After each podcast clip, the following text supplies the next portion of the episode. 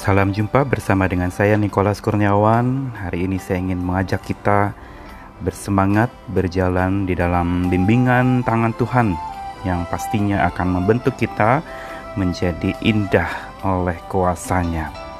Sabdanya pagi ini yang menyapa kita dari Yesaya 41 ayat 9b sampai 10. Aku berkata kepadamu engkau hambaku, aku telah memilih engkau dan tidak menolak engkau. Janganlah takut sebab aku menyertai engkau, jangan bimbang sebab aku ini Allahmu. Aku akan meneguhkan bahkan akan menolong engkau. Aku akan memegang engkau dengan tangan kananku yang membawa kemenangan. Sobat yang dikasihi Tuhan, setiap kita pernah saja mengalami masa-masa bimbang Apalagi ketika kesusahan datang melanda hidup kita, kita mulai bimbang, ada keraguan yang menyertai kita. Ada satu pertanyaan, pergumulan, dan kita sepertinya ada di persimpangan.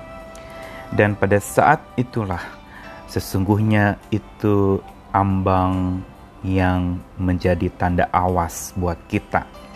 Karena bila kita salah melangkah, maka kita bisa jatuh Bila kita memilih pilihan yang keliru, maka kita justru akan menjadi makin terpuruk di dalam kesusahan kita. Kebimbangan adalah sesuatu yang kitab suci katakan sebagai ombak, gelombang laut yang mengombang-ambingkan seseorang kian kemari. Angin itu membuat seorang terombang-ambing. Bahkan di dalam surat Yakobus dikatakan bahwa orang yang bimbang jangan mengira bisa menerima sesuatu dari Tuhan. Karena orang yang mendua hati tidak akan tenang hidupnya.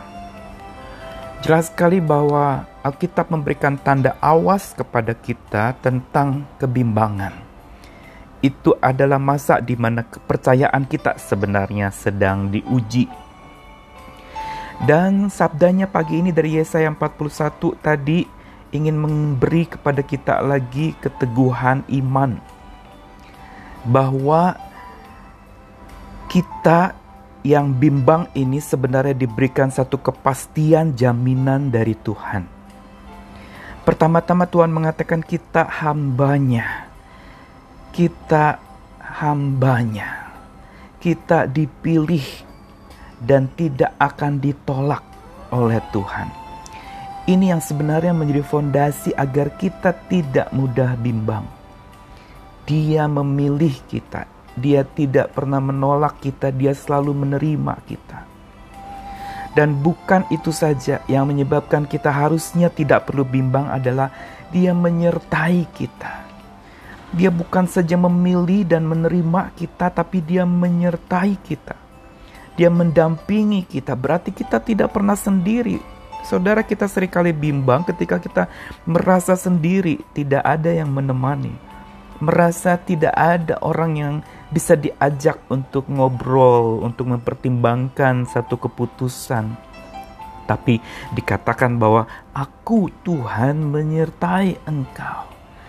Bahkan dalam surat Yakobus yang tadi saya sempat kutip itu bicara soal hikmat Tuhan Inilah yang diperlukan. Bimbingannya itu berupa hikmatnya, bijaksana, karena itu mintalah kepadanya dan Tuhan akan memberikannya kepada kita. Bukan saja Tuhan menerima, menyertai, tapi kebimbangan kita pun diusir oleh Tuhan meneguhkan dan menolong kita. Jaminan ini jelas memberi kepada kita kekuatan lagi dia memegang kita dengan tangan kanannya. Tangan kanan selalu menjadi lambang tangan yang berkuasa, tangan yang kuat, tangan yang kokoh, dan akan membawa kita pada kemenangan. Hari ini saya tidak tahu apa yang menjadi kebimbangan hatimu. Mungkin kau bimbang tentang segala apa yang terjadi. Di tengah-tengah berita tidak pasti yang kita mempertanyakan kebenarannya, kita bisa saja jadi bimbang. Tapi janji firman Tuhan, hari ini ingin membawa kita kepada satu kepastian iman, satu keyakinan bahwa Tuhan menerima kita apa adanya. Dia menyertai kita, Dia menolong kita, tangan kanannya memegang kita, Dia meneguhkan kita, dan semua ini dirangkum dengan satu kata: Tuhan membimbing kita. Orang yang dibimbing oleh Tuhan di dalam hidupnya dan sepanjang hidupnya, maka dia tidak akan pernah bimbang dalam melangkah. Karena itu mari melangkah bersama dengan Tuhan yang membimbing kita senantiasa, memberi kekuatan-kekuatan kepada kita, dan membuat kebimbangan kita pun terkalahkan oleh keyakinan iman yang kokoh dan kuat itu. Percayalah senantiasa kepadanya, melangkahlah selalu bersamanya, dan jangan pernah jauh daripadanya. Salam pagi, selamat beraktivitas, selamat menjalani hidup ini. Amin.